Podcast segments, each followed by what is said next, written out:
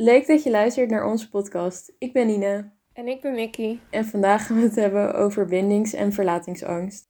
Aan het eind van deze podcast bespreken we jullie antwoorden op de vraag: wanneer heb jij het meest last van verlatings- of bindingsangst? Nina, wanneer is dat bij jou het geval? Ik heb het meeste last van verlatingsangst als ik het gevoel heb dat het in de vriendschap met een van mijn uh, wat closere vrienden wat minder goed gaat. En dan ben ik altijd heel snel bang dat ze me gaan verlaten. Ja, dat herken ik ook wel. En wanneer heb jij er last van?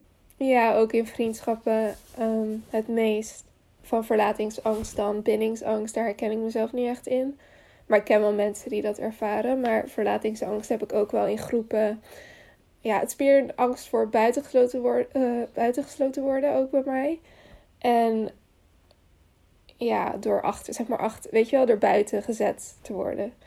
Ja, ik heb ook wel vaak bevestiging nodig, nodig van vrienden of van mensen waarmee ik close ben dat het zeg maar allemaal goed zit. En ik kan heel slecht tegen ruzie, want dan ben ik meteen bang. Ja, dan komt er meteen angst bij kijken. Dus daar herken ik het wel het meest. Dat snap ik. Dat heb ik ook wel heel erg. Ik heb vooral als er uh, ruzie is of gewoon überhaupt. Ik heb altijd heel graag dat ik bevestiging krijg of zo. Zodat ik, zodat ik zeker weet dat ik niet iets verkeerd doe. en mm, als ik, wel voor mijn gevoel iets verkeerd doe, zeg ik echt 10.000 keer sorry. Ook al hoeft het niet eens. Dan ben ik gewoon zo bang. Dan denk ja, ik, dat oh, maar straks dan zijn ze gewoon klaar met me of zo. En dan verlaat ze me. En dan zit ik helemaal in de stress. Ja, precies. Ja, dat, dat heb ik ook.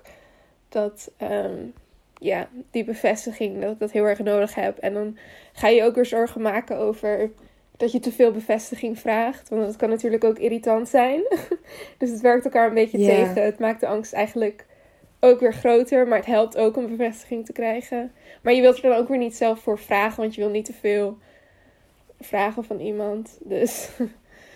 Ja, dat is zeker waar. Dat heb ik ook heel erg. Ik heb het vooral ehm, bij echt wat echt close vrienden, dat ik het heel snel heb. Maar daar dan vraag ik ook gewoon continu om bevestiging. Maar ook vrienden die ik dan net aan heb gemaakt, dan durf ik niet om bevestiging te vragen. Want dan ben ik bang dat ze dan gelijk al zitten van, ach, je bent echt irritant of zo. Ja. Ja, nee, dat heb ik ook wel. Dat uh, vind ik ook wel moeilijk. Qua um, met nieuwe mensen dan. Om om die bevestiging te vragen. En om... Want kijk, je close vrienden kan je gewoon vertellen, weet je wel, gewoon bij aangeven van um, ja, ik heb verlatingsangst of ik ja, heb daar soms wel eens last van. En ik heb soms even bevestiging nodig dat alles goed zit. En dat in ieder geval niet betekent dat de vriendschap over is of zo. Maar bij andere mensen is dat, ja, bij mensen die je pas net kent, is dat um, natuurlijk lastiger om te doen. Nina, wanneer had jij voor het eerst door dat je last hebt van verlatingsangst? Toen ik tien was, toen was er een hele erge uh, ruzie tussen mijn familie en mijn broer ging op dat moment ook uit huis. En ik was heel hecht met mijn familie. Ik was ook elke donderdag was ik bij mijn opa en oma. En ik zag mijn andere familieleden ook heel vaak. Maar door die ruzie, uh, het was ook echt ontstaan tussen mijn moeder en de rest van de familie. Dus toen had ik helemaal geen contact meer met ze. Ik zag ze ook nooit meer. En toen had ik ze uitgenodigd voor mijn verjaardag en ze wilden niet meer komen door de ruzie. Ook al had ik er uh, geen niks mee te maken. Ik, ik begreep ook niet waarom ze niet meer wilden komen. En toen um, was ik steeds banger aan het worden dat meer mensen me zouden verlaten. Want als mijn familie, die al zoveel voor me betekent, mij al zo makkelijk heeft kunnen verlaten, waarom zouden de rest van de mensen dat niet kunnen doen?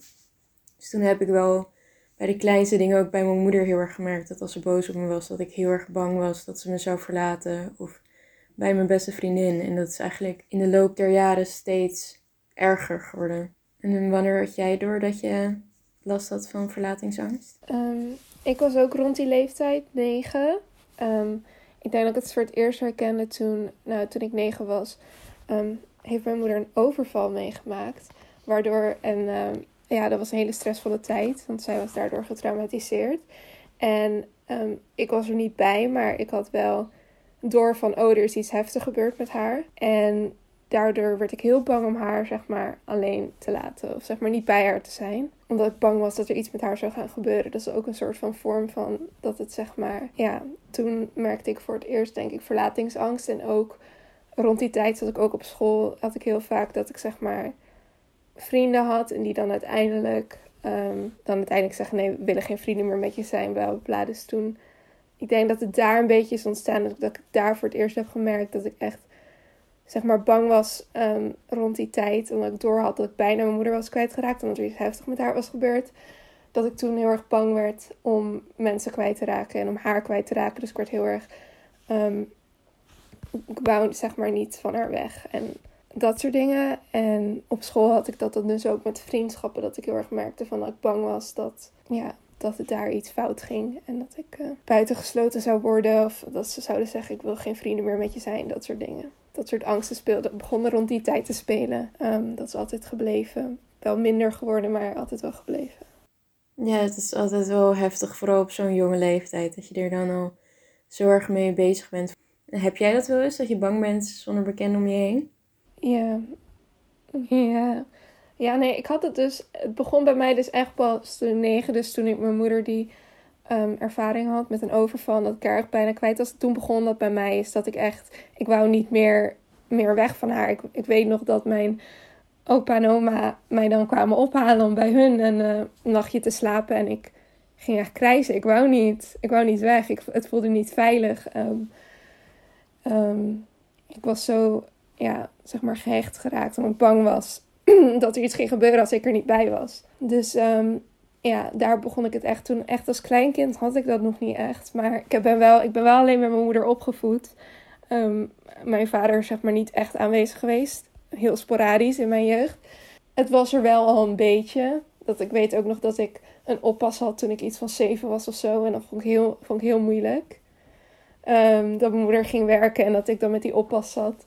En dat zij weg was. Dus toen begon ik was al wel een beetje, zeg maar, um, te veel gehecht aan haar. Maar dat werd echt erger um, toen dat dus, zeg maar, gebeurde. Ja, ik had ook wel altijd dat van vroeger had ik het wel extreem erg. Maar ik had ook heel veel nachtmerries over uh, allemaal verschillende manieren hoe mijn familie mij zou verlaten. En uiteindelijk gebeurde dat ook echt. Maar ook bij oppassen inderdaad was het gewoon, was gewoon heel vervelend. ik had altijd wel mijn broer. Mijn vader was ook in mijn jeugd niet, uh, niet aanwezig. Maar ik had altijd mijn broer. Dus dat was wel een soort van mijn houvast of zo in die tijd. Maar toen hij weg was, toen, ja, toen werd het gewoon extreem erg. Ja, jij had het net over nachtmerries. En dat herken ik ook wel. Ik heb, ik heb dus zeg maar steeds een herhaalde nachtmerrie. Like een reoccurring, ik weet even niet het Nederlandse woord. um, nachtmerrie. Waarbij ik zeg maar verlaten word door vrienden. En ik heb dat echt elke maand of om de twee maanden of zo heb ik die reoccurring dream. Waarbij ik verlaten word door vrienden. En ik weet eigenlijk niet wanneer dat begonnen is, ergens in mijn puberteit. Maar het is echt bizar dat elke keer dan word ik wakker en dan denk ik, oh, ik heb weer zo'n droom gehad. En het is altijd echt heel intens. En dan voel ik de hele dag, voel ik dat zeg maar nog. Ook als ik met vrienden praat, dat ik dan nog voel van, dan voel ik die spanning nog die ik in die droom had. Het is heel gek hoe mijn, ja, hoe dat, het is dus, ook al zitten dingen goed met mijn vrienden, uh, heb ik altijd nog die, zeg maar die zorgen achter in mijn hoofd ergens. Dat ik uiteindelijk verlaten word of dat er iets gebeurt waardoor ik zeg maar ja, er alleen voor kom te staan of zo. Dus dan heb ik soms opeens zo'n droom waarbij dat tot uiting komt, zeg maar, die, die angst. En het is echt um, heel gek hoe je, hoe je brein dat zeg maar kan doen, ook al is er niks aan de hand. Ja, zeker. Ja, ik had dat, uh, vroeger had ik dan altijd de herhaalde droom van mijn familie. En ook van mijn vader.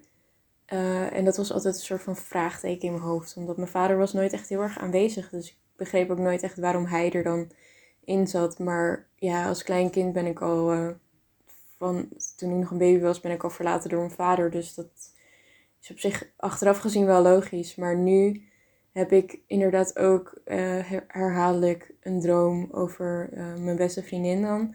Dat ik er op echt een of dat, ze, dat, dat ik een nachtmerrie heb dat ze wordt aangereden. Of dat, dat echt de meest verschrikkelijke dingen. En dat ze me dan verlaat. Want zij is ook echt oprecht mijn steun in toeverlaat. Ze is er altijd al vanaf in mijn jeugd af aan al geweest.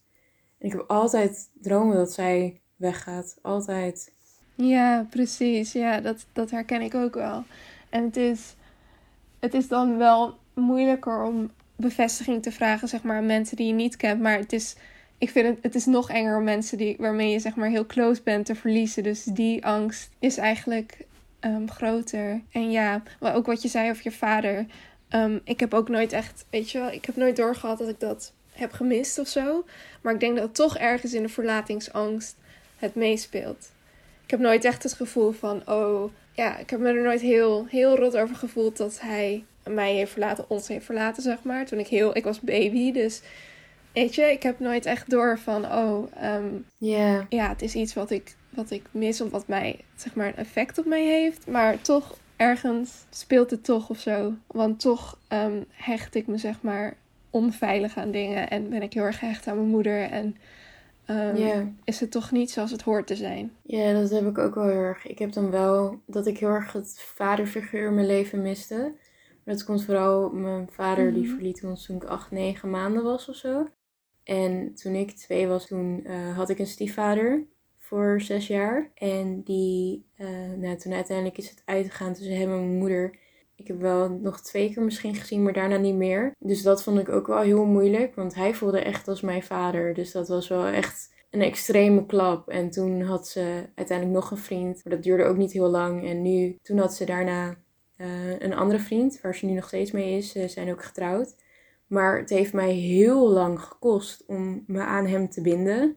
Ik heb, uh, ik heb dan gewoon verlatingsangst in het algemeen, maar ik heb echt binding bindingsangst als het aankomt op mannen. Ik vind mannen echt doodeng. Omdat het gewoon in mijn jeugd was altijd de man die me als eerste verliet. Dus in mijn hoofd is dat nog steeds heel snel zo. Dus uh, mijn huidige stiefvader die is er nu al acht jaar. En het heeft me denk ik wel zeven, zes, zeven jaar gekost om me aan hem te binden. Ja, dat, dat kan ik me voorstellen, ja, met die ervaringen van ja, dat de man altijd zeg maar weggaat. Ja, dus dat is. Uh, ja, ik heb een beetje een mengeling van beide. Ja, dat kan ik me voorstellen. Ik heb wel dat ik soms. Ik heb niet bindingsangst, maar ik heb wel dat ik zeg maar me aan mensen binnen soms uit de weg ga. Omdat je natuurlijk vanuit die verlatingsangst. Want heel vaak verlating, verlatings- en bindingsangst komen heel vaak ook samen voor, zeg maar. Omdat bindingsangst is vaak juist uit de angst om verlaten te worden. Dat je je niet aan iemand wil binden. Want dan is er dus zeg maar de mogelijkheid om verlaten te worden. Ehm, dus het, is, het komt heel vaak ook samen. Dus ik heb soms ook wel dat ik me niet. Dat het moeilijk is om aan mensen te binden, omdat die verlatingsangst zo erg is. En ehm, dus ik herken me er wel een beetje in, omdat het ook een beetje samenwerkt. Ja, zeker. Heb je dan ook dat je mensen sneller van je afduwt omdat je bang bent dat ze je verlaten als je mensen voor het eerst ontmoet? Ja, dat ik het niet echt aanga. Dat ik een beetje uit de weg ga, ja. Dat herken ik. Wat ook vaak voorkomt met verlatings- en bindingsangst is. Nou, heel veel mensen hebben er dus last van. We zijn echt um, niet de enige. En mensen die luisteren zullen vast ook wel er te maken mee hebben. Misschien niet in extreme mate, of misschien wel. Uh, maar het komt heel veel voor. En heel vaak um, trekken mensen elkaar ook aan die, zeg maar, iemand die verlatingsangst heeft en iemand die bindingsangst heeft. Omdat het heel erg, ja, er is een soort aantrekkingskracht. Want iemand met bindingsangst stoot dan iemand af, maar diegene met verlatingsangst, die gaat dan extra hard trekken aan die persoon met bindingsangst. En dat is zeg maar zo'n wisselwerking die, die dat ik ook wel vaak om me heen heb gezien in relaties. Dat ja, één iemand heeft dan verlatingsangst, de ander bindingsangst. En dat is dan ja, een soort aantrekkingskracht. En omdat het zo erg elkaar voedt, zeg maar. Ja, ja ik heb het ook wel uh, heel erg gemerkt met iemand. Ik, ik had een hele lange tijd dat ik ook echt... Dat was ook mijn eerste liefde, was heel lastig. Ik had altijd het gevoel dat hij een soort bindingsangst had. Waardoor ik wat meer aan hem ging trekken, omdat ik bang was dat hij mij dan zou verlaten. En hij probeerde dan wat meer afstand te nemen en andersom. En dan dacht ik, nee, maar dan gaat hij me verlaten. En dan ging ik weer wat meer afstand nemen. En hij ging dan, hij dacht, nee, het, is oké. En dan ging hij weer wat naar mij toe. En we hebben echt gewoon een jaar of zo ongeveer om elkaar heen gedraaid. Totdat hij dus uiteindelijk wel met iemand anders uh, een relatie krijgt. Maar dat, dat was wel uh, heel lastig. Ja, dat, dat herken ik ook. Was ook mijn, mijn eerste relatie, heb ik dit ook ervaren. dat, um, ja, zij had uh, bindingsangst. Had ook verlatingsangst, dus het zat beide, zeg maar. Maar ja, ik had meer verlatingsangst van... En zij had bindingsangst. En dat ging ook zo heel erg aan elkaar trekken. En dan uiteindelijk maakte zij het uit omdat ze niet een relatie kon hebben. Op dat moment in ieder geval. Was ze niet ready om te binden. En ik werd toen juist, weet je, toen voelde het weer alsof ik verlaten werd. Dat was voor mij weer heel moeilijk. En daar was ik ook de hele tijd bang voor. En toen gebeurde het uiteindelijk. Dus ja, het, uh, het trekt elkaar echt aan. En dat, ik weet nog dat ik na die relatie, zeg maar, een beetje ging zoeken naar, um, op zoek ging dingen op ging zoeken over hechten. En toen las ik dus ook dat zeg maar, mensen met verlatingsangst en mensen met bindingsangst elkaar heel erg aantrekken. Toen herkende ik me daar meteen in. En dus kon ik toen ook een plekje geven van, oh, daarom werkte het niet. Ja, dat had ik inderdaad ook wel heel erg toen ik het gevoel had dat hij mij verliet. Het was ook bij hem wel heel abrupt. Ik, spe uh, ik sprak hem opeens niet meer. Hij, uiteindelijk had hij toch wat met iemand anders. Dat was echt de hel. Dat vond ik echt vreselijk. Ja, ja, dat had ik ook wel. Dat het gewoon, ja, het is zo, het is echt ongezond om in, weet je, als je er zelf nog niet, ook als je er zelf nog niet echt van bewust bent. Ik was me helemaal nog niet heel erg bewust dat ik um, zoveel last heb van verlatingsangst. En dat, dat, en dat zij dus last had van bindingsangst en dat dat zo erg aan elkaar trekt. Zodra je er bewust van bent, dan kun je zeg maar communiceren. Als diegene daar ook voor open staat en jij staat er voor open, dan, dan kan dat echt wel werken. En dan kun je er gewoon doorheen. Want heel veel mensen maken dit mee. En je kan gewoon een gezonde relatie hebben. Maar als je niet bewust bent en het niet bespreekt, dan wordt het zo messy. Dus, um, en dan wordt het alleen maar bevestigd, zeg maar, je gevoelens. En, dus ja, dat is echt wel iets. Um, het is belangrijk dat er over gepraat wordt. Ik denk dat heel veel mensen niet echt bewust zijn. Er echt pas later achter komen als ze zeg maar een relatie hebben gehad of zo. En sowieso ook dat er heel veel. Er wordt niet veel gepraat over over jeugd en de hechting, zeg maar, hoeveel invloed dat nog heeft op je, zeg maar, op deze leeftijd. Kijk, ik ben nu 21, maar nog steeds heeft mijn, mijn jeugd en um, wat er toen allemaal is gebeurd um, rond verlating en binding en hechting, heeft nog steeds invloed op me elke dag. En ik denk dat het bij heel veel jongeren niet echt besproken wordt of zo. Maar dat is een thema dat echt heel erg, waar je heel erg mee geconfronteerd wordt. Um, wat je jeugd, zeg maar, hoe de relaties in je jeugd nu een invloed op jou hebben. Ja, zeker. En ook de relaties die je op hebt gebouwd van jongs af aan, die blijven ook altijd met je meespelen, ook in je ouder. Dat blijft altijd zo. Dat heb ik ook op internet uh, gelezen. Dus dat is, het is heel belangrijk om gelijk een goede gezonde band te hebben met je ouder. En als je dat niet hebt vroeger, is het ook heel lastig om daar met je ouder over te praten. En meestal, in ieder geval uit mijn ervaring, is het altijd wel fijner om met je ouder erover te praten. Maar ja, soms is dat bij niet iedereen is dat mogelijk. Ja, als je met je ouder erover kan praten, is dat um, heel fijn. Maar ja, heel veel mensen kunnen dat niet. Ik kan dat gelukkig wel. Maar er zijn ook heel veel mensen die dat niet kunnen. Dus het is ook wel belangrijk dat dat meer, denk ik, besproken wordt onder jongeren. Hechting en gewoon je uitspreken over wat er vroeger, misschien wat er vroeger is gebeurd. En waarom je je zeg maar zo voelt. En ja, gewoon heel erg letten op die patronen en zo.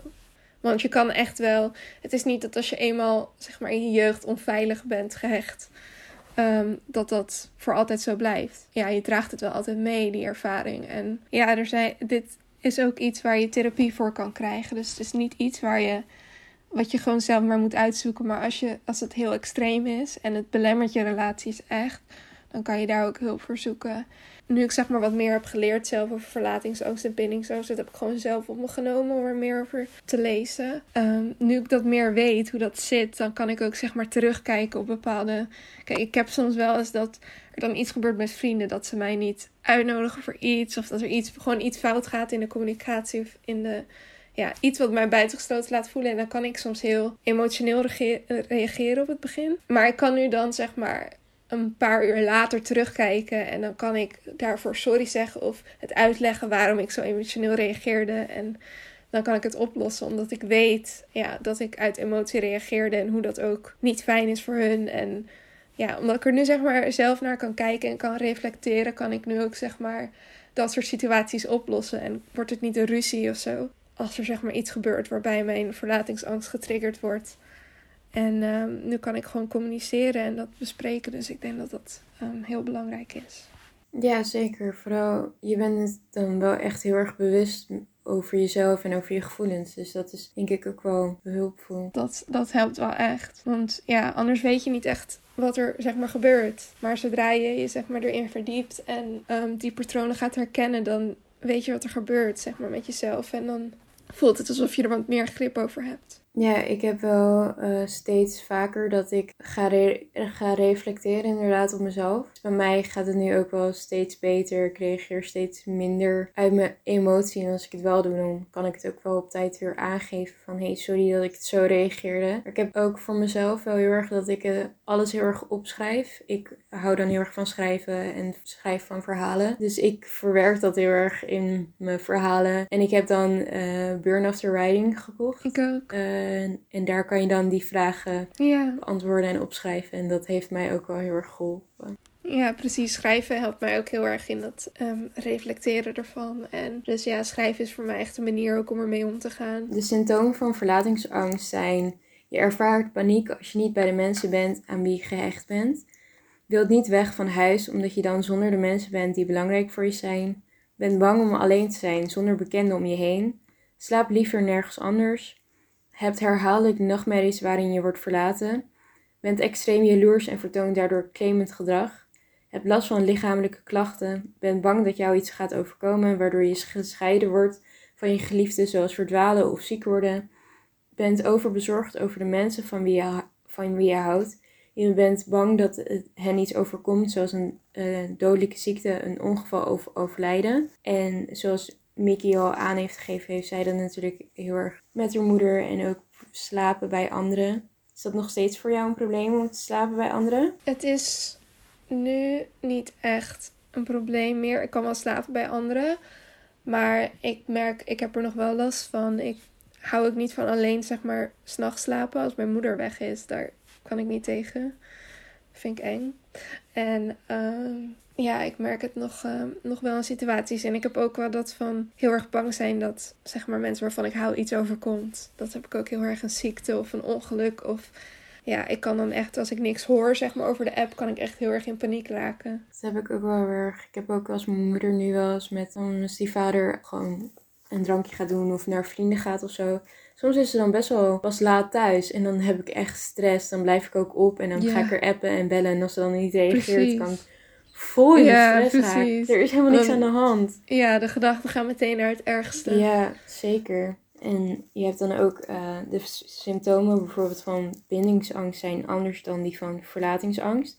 Bij bindingsangst heb je nog nooit een relatie gehad of ben ben je degene die vaak relaties verbreekt. Van een uh, vaste duurzame relatie krijg je een benauwd gevoel.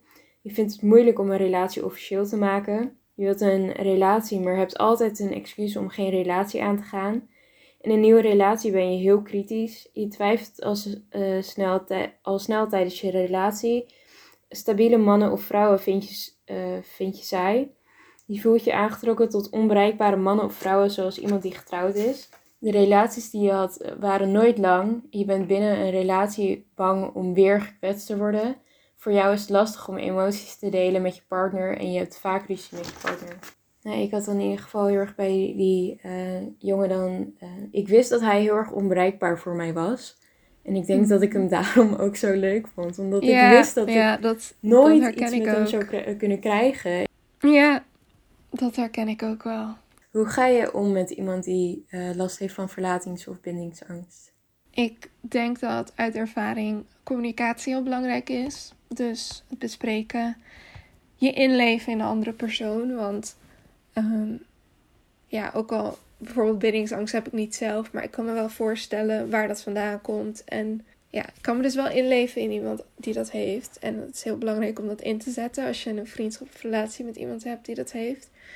En uh, bij bindingsangst ook de tijd en de ruimte geven. Um, en dan bij verlatingsangst de bevestiging geven die iemand nodig heeft. Maar dan ook wel op jezelf letten dat je niet jezelf zeg maar wegcijfert. Maar dus ook gewoon open zijn over hoe jij je voelt. En dat je ook bijvoorbeeld, je kan niet de hele tijd bevestiging blijven geven. Dat is ook om voor mensen, ik vind het ook moeilijk om voor mensen de hele tijd bevestiging te vragen. Want het wordt ook, ja, het is moeilijk om dat ook de hele tijd te geven, zeg maar, voor anderen.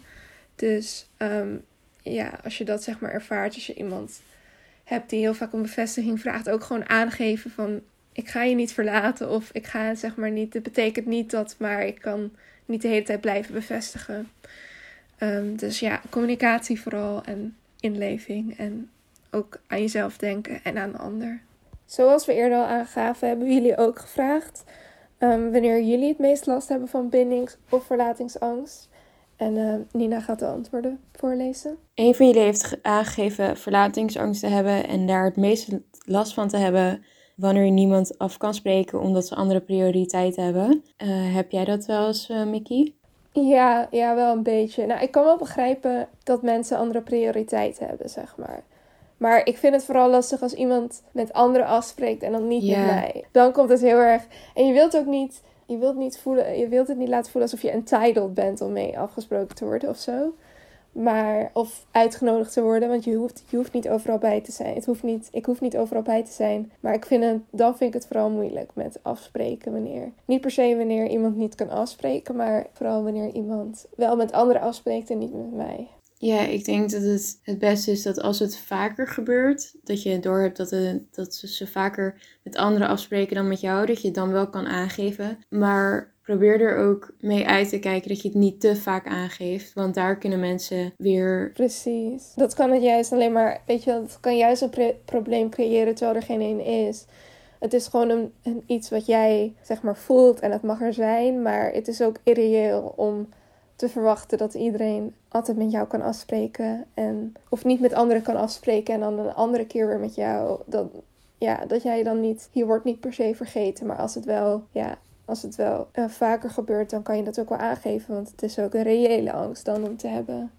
Ook een van jullie heeft aangegeven uh, last te hebben uh, wanneer je je gevoelens toegeeft.